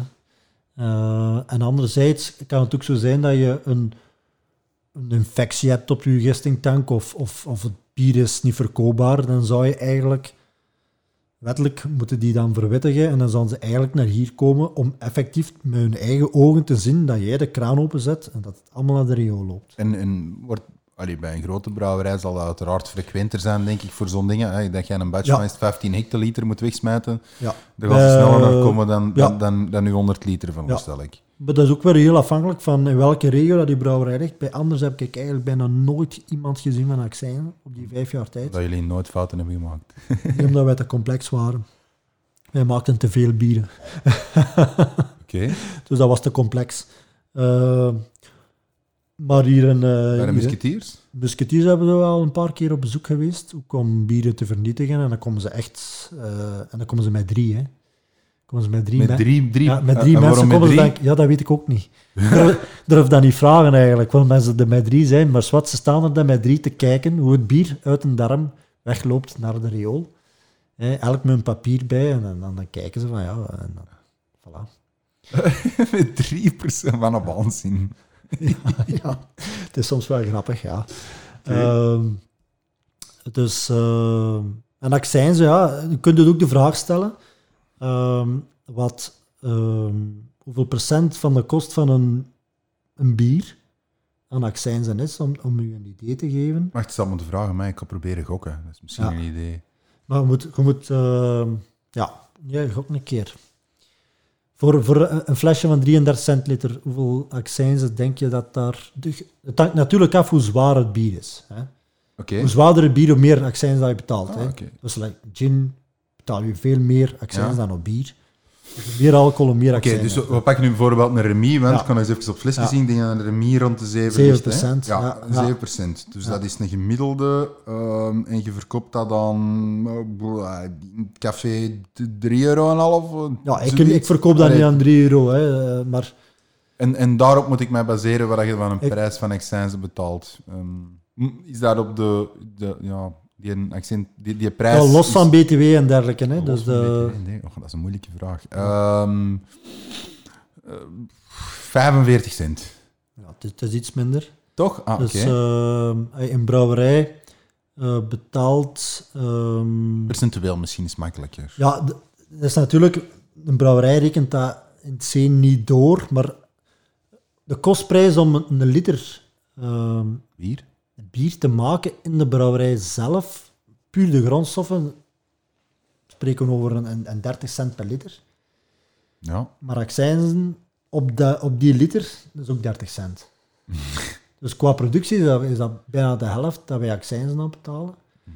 Finaal, op die 3 euro dat je betaalt in je café, is dat ongeveer nog een 10 cent, hè, ja. accijnzen. Maar, Dat is toch veel. maar, maar de brouwerij betaalt redelijk wat, wat accijnzen. eh, maar ja, die, die, worden, die worden doorgerekend naar de klant uiteindelijk. Hè, maar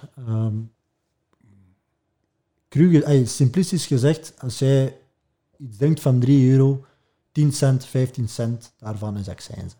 Dat is veel. Dat is redelijk. redelijk Ja, want dat staat los van BTW. Er wordt BTW opgegeven. Dus, dus je betaalt dan... Hè, ik ben, Goed, nogmaals, ik ben de, ja. ik ben de Ja. leek hier. Je hebt, je er wordt er nog eens even BTW op ge- genomen. Ook, dus, dus dat valt dan onder voeding? 6%, 21%? bier is 21%. Luxe product? Ja, En- dus je alcoholvrij bier is 6%. Ma, Ja, frisdrank ook. omdat dat een... Wat dat eh, geen alcohol bevat. 6%, En betalen daar dan geen taxen op? maar ook geen acci- accijnzen accijn- bedoel ik. nee, Accijnzen. Op Nee. alcoholvrij betaal je geen accijnzen. Betalen geen accijnzen. Dus. Eigenlijk is dat wel gek, hè? want hey, je gaat naar, je gaat naar een café, je drinkt je pintje, je denkt, goh, maar zeg, hey, een, eh, deze bier, oh, dat kost mij al 4 euro. Dat is toch, dat is toch duur geworden tegenover vroeger, hè?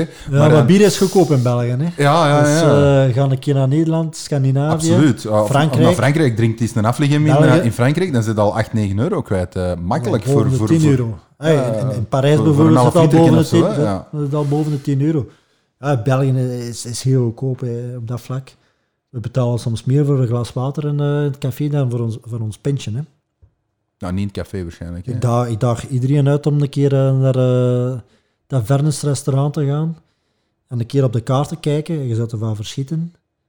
Ik heb het overlaatst nog, eh, overlaatst, voor de coronacrisis. zo'n literke, literke water Nee, nee, ik heb het nog recent, recent voor de coronacrisis. Toen dat de cafés en restaurants nog ja, open waren, dan een eh, eeuwigheid geleden.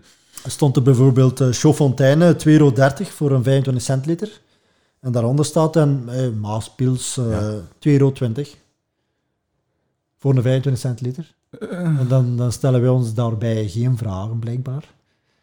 We vinden dan bier nog altijd, want we reclameren altijd van het bier wordt duurder, het bier wordt duurder. Ja, ja. Maar we betalen zonder problemen meer voor een flesje Chauffontaine ja. dan voor ons glas Wow. bier. Wat eigenlijk totaal niet klopt. Hè. Wat, wat waanzin is, hè, want ik heb het onlangs nog op tv gezien. eh, het eh, gebottelde water is gewoon een marketingtruc waar dat ze enorm veel geld aan verdienen. Hè. Maar, dat- maar dat klopt, ja. Dat klopt. Dat En, en als je dan de referentie maakt naar wijn, dan vinden we dat ook weer allemaal geen probleem. Hè. Ja, ja. Als we, als we 5, 5 euro en half betalen Als, voor als, een we glas eerlijk, wijn. als we eerlijk moeten zijn naar prijzen voor speciaal bieren, rond de 5 euro, dat zijn correcte prijzen. Ja. Meer en meer gaan we er wel naartoe, maar, maar, maar pils blijft ook altijd nog een... Maar op zich, ja, is dat... Is dat allee, eh, er blijft eigenlijk weinig over voor jullie. Hè? Als je nu even die een totaalsom gaat maken, en je hebt, dan, je hebt de grondstoffen, Maar het- het- je hebt als- een arbeid dat je erin Nou, stopt, als, brouwer- als brouwerij is het mogelijk. Als bierfirma kun je, hou je er finaal weinig aan over. Hm. Eh, omdat je al die kost hebt na de brouwerij. Maar als brouwerij zijnde... ehm, Ja, want een bierfirma moet dat dan waarschijnlijk nog eens transporteren, die moeten dat dan Ja, nog eens adverteren. ja, sowieso. En de kost per liter is, is veel hoger. Ja. Maar op zich, een, hey,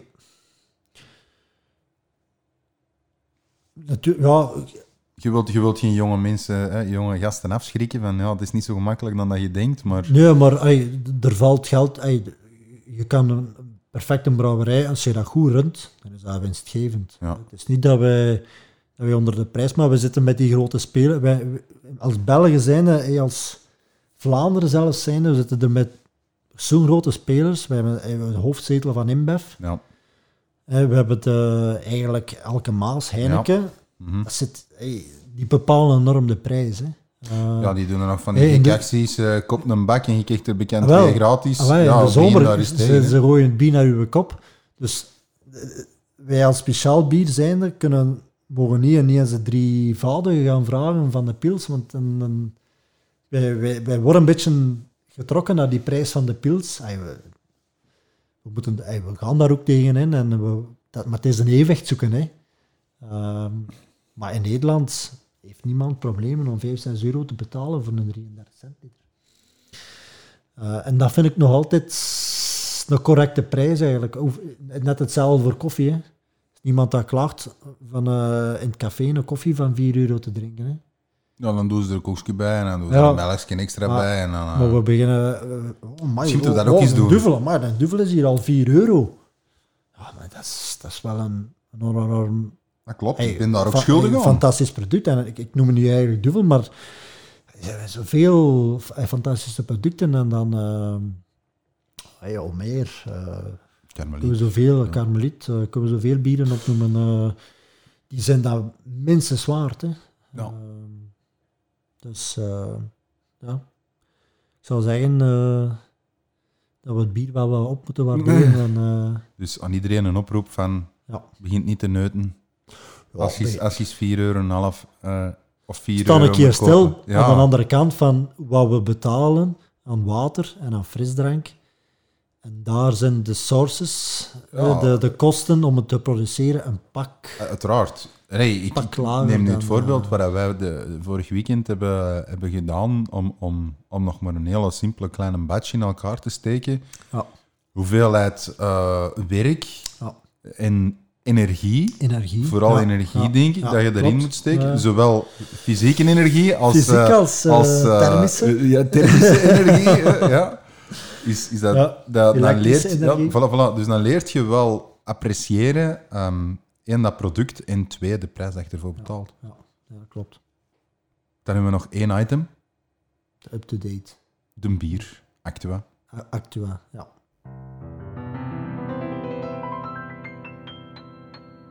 Bier Actua.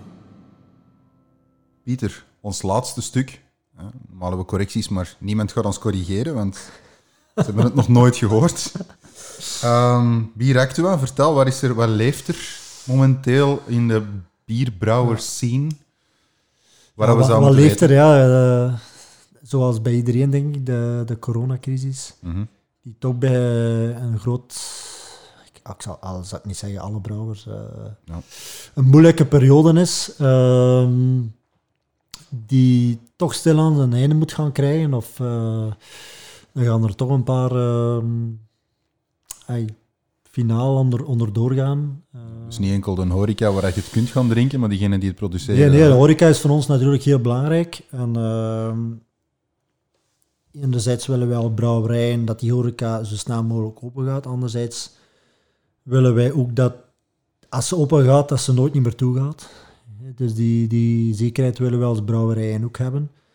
Eh, net als de horeca. hè. Ik heb ook al met restaurantuitbaters, die zeggen ook van ja, maar ja, beter ietsje langer, maar dan voor altijd. Maar het begint te wegen en in die zin dat wij... nee, je hebt natuurlijk de grote brouwerijen die, eh, die een, nog een redelijke constante afzet hadden in supermarkten het laatste jaar.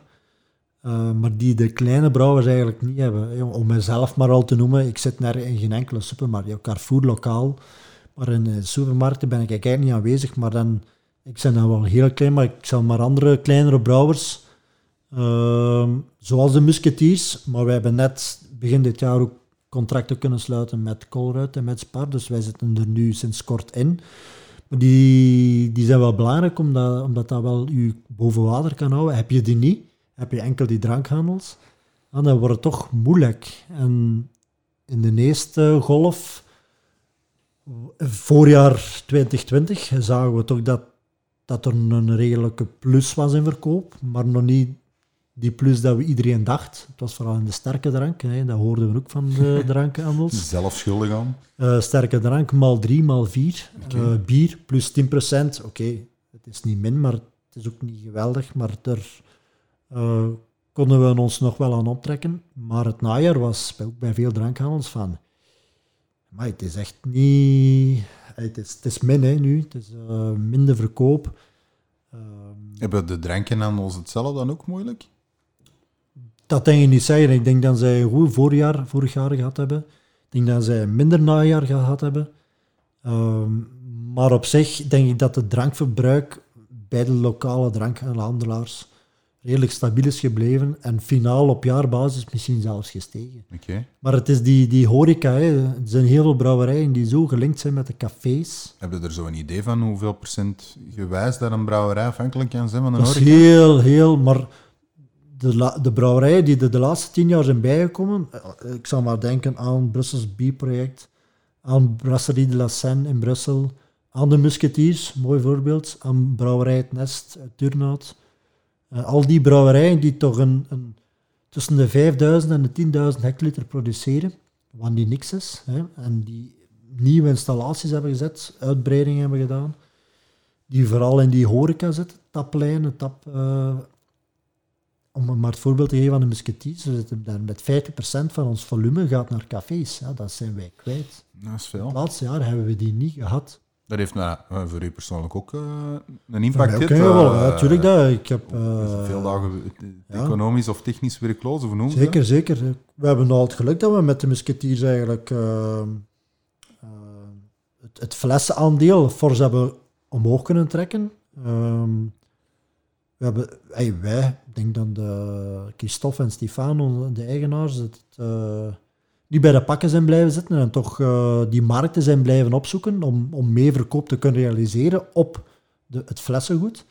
En dat is ook wel goed gelukt, want we zijn niet gehalveerd in ons volume. Dus we zijn Mhm. we zijn wel fors gezakt, maar we zijn niet gehalveerd waar we eigenlijk hadden kunnen verwachten. Maar we zijn met dat flessen zijn we wel kunnen stijgen. We hebben Cor uit Spar er kunnen bijnemen. Ehm, en we hebben eigenlijk nooit stilgelegen met de productie. We hebben altijd verder geproduceerd. We hebben wel een tandje lager eh, een gezet. tandje bij, maar een tandje moeten uitkloppen. Dat ze moeten uitkloppen. Eh, maar we zijn altijd wel blijven werken, niet fulltime, maar we, de brouwerij is altijd wel blijven draaien en er is altijd nog wel wat, wat afzet geweest. Dus. Maar het is moeilijk en, en ik denk dan ook maar aan onze salesmensen die eigenlijk al een half jaar gewoon werkloos zijn. Mhm. Eh, het is moeilijk, maar ehm, ja, we staan er niet, niet genoeg bij stil, maar de cafés zijn nu bijna een half jaar toe. Hè. Ja, kun je Ja, kun je dat niet voorstellen? En, en maar iedereen, iedereen is altijd maar bezig, met een horeca, gaar met een horeca, maar achterliggend zijn, zijn daar heel... Hè, want, eh, Maar heel veel, hè? Niet enkel de, de brouwerijen, maar ik, eh, stom voorbeeld, ik denk dan aan de leveranciers van de nutjes, of van de... Ja, dat ja, is een stom andere. voorbeeld, maar die gaan dat ook gevoeld hebben. Hè. En natuurlijk, ja, een brouwerij is, is, is voor een café Ja. natuurlijk toch een, een, een dat is belangrijk. ja. belangrijk. Ja, ja, ja.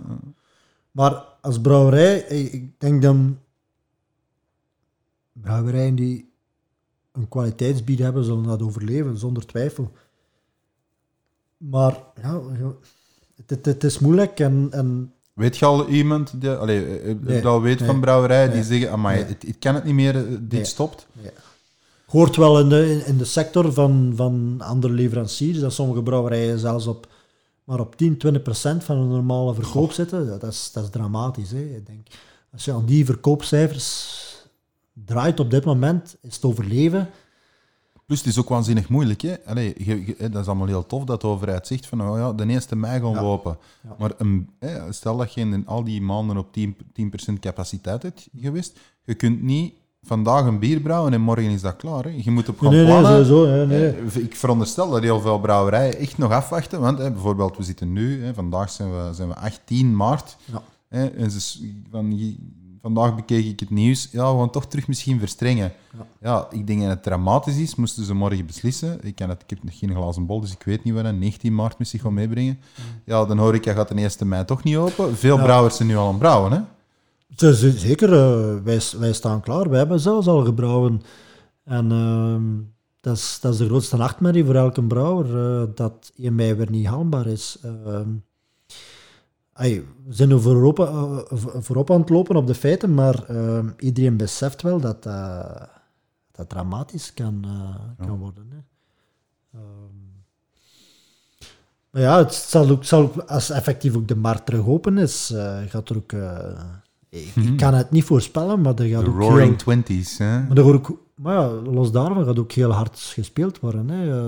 Eh, ik denk dat cafébazen het bier naar de kop gaan gezwiet krijgen. Hè. Want kom, pak dat van mij bier. eh, er gaat gevochten worden hè, voor de tapkranen. En, eh, natuurlijk drijven wij in België niet het voordeel mee met die grote spelers hier. hè. En een InBev met een Alke Maas. Ja. Eh, wat het gaat geven, het, eh, het is koffie te kijken, maar eh, het zal heel wat jaren nodig hebben om daarvan te bekomen, denk ik. Eh, Dus ik onthoud, COVID-19 is nefast geweest, maar dat kun je uiteraard wel, wel geraden hebben voor de, denk, de algemene ja, eh, brouwers, gildes, brouwerijen. Brouwfirma's. Hè, een Vooral onze, dat ik nog nooit onze- gehoord heb. Vooral onze samenkomsten, dat mis ik nog het hardst. Conferenties, congressen. Oh, ik dacht meer Eh. over eh, onze samenkomsten. Ja, ja, maar hoe- ja, de, de, meer, de, ey, dit is een familie, hè, eh, brouwerij. We Ja. kennen elkaar allemaal. En Want ik denk wel dat het een slecht clubje is. de, de jaarlijkse uitstappen naar Nürnberg, naar de, de brouwbeurs, Mhm. waar we elkaar tegenkomen en hier en drinken, ja, die, die missen we. Ik heb collega's die ik al een jaar en een half niet meer gezien heb. Ja. Dat is... ey, collega's in de sector, ik bedoel, dat is... ja, je mist dat wel, hè. Ja. Ook een keer die, die, die uitwisseling van informatie, van, van kennis, die, die er niet is. En ja, dat frustreert wel. Ja, dat begrijp ik. Maar om toch nog misschien met een positieve noot te eindigen, wat denk je als die cafés open gaan? Hè? Denk je dan ook terug? En, en st- stel morgen, hè, ik bijvoorbeeld, ik, ben, ik zelf ben nu ondertussen al gevaccineerd. Hè. Ja. Stel dat wij morgen allemaal gevaccineerd zijn, miraculeus, Ja, COVID is voorbij, zonder de deuren van de cafés gaan open. Ja, Wat verwacht je dan? veel geluk. Veel geluk. Ja, veel geluk. Mensen, maar op, op dat vlak, mensen gaan dat terug de waarde appreciëren van het kunnen samen zijn. En denk dat de mensen niet, gaan, ik denk dat de mensen niet veel eh, zorgen maken dat ze 5 euro voor een pintje gaan betalen. nee, nee, nee, inderdaad. Ik denk... eh, Dat is misschien nog een positief aspect erop. Ja, ja, inderdaad. Maar achteraf gaan we er... Gaan we Ik zou, ik zou veel geld geven nu als ik op café Achteraf kan komen we er zitten. misschien om lachen en gaan we zeggen dat dat een godsgeschenk was, om terug die, die, die Appreciatie. te hebben Ja. van dat samen te kunnen zijn, van die vrijheden, van die, van die ja, unieke... Het is een unieke locatie, een café uiteindelijk. Hè. Je kunt daar plezier maken, je kunt daar samenkomen. kunt daar- Vriendschappen, liefdes. Waar, waar dat twee jaar of een jaar geleden een evidentie was, Ja. of soms een verplichting, moet naar het café, is nu een, een, eh, ja, een, Een- een droom. Hè. Ja, klopt. Een droom, hè. Dat is de reden Een droom die eindelijk waar kan worden. dat, dat is de reden waarom, dat je, omdat het te lang duurde met een eigen tuin en café dat maar gebouwd hebt. Waar dat jij als mijn knuffelcontact hè, eh, in zitten. Nee, goed, Pieter, bedankt voor ehm Ja, jij ook bedankt. Het was een, denk ik een, eh, een positieve eerste podcast. podcast. Ja, En, eh, smaak, naar meer. Abso- ah, dat is misschien nog dat is misschien ineens onze, onze leuze. Ehm, Nee, wat ik nog even wil herhalen, hè, onze kanalen. Dus je kan ons terugvinden op bierklap, dus www.bierklap.be. Uw suggesties of eh, je wilt zelf een bier voorstellen dat, dat, dat Pieter eh, gaat recenseren en ik als onafhankelijke leek, eh mocht je altijd sturen naar podcast.bierklap.be. Dus nogmaals, podcast.bierklap.be. Moest je zelf nog andere vragen hebben, ehm, mag je gerust altijd sturen. Ik probeer in de mate van het mogelijke jullie zoveel en zo snel mogelijk erop te reageren. Moest het iets langer duren, vergeef mij. Helaas ben ik ook nog een werkende mens die ook nog. eh, en, en sinds kort ook mee hier half een bierbrouwer. Ja. Ehm, maar ik doe mijn best om jullie zo snel mogelijk te, erop te reageren. Pieter, bedankt. Sorry, bedankt. Tot volgende maand. Tot volgende maand. Tot volgende maand. En dan eh, met onze hopelijk, als het dan mag en kan, onze Ja, eerste, eh, Eerste gast. biergast. Biergast, misschien Biergast. moeten we het zo noemen. Ja. Goed. Tof. Oké. Tot volgende maand.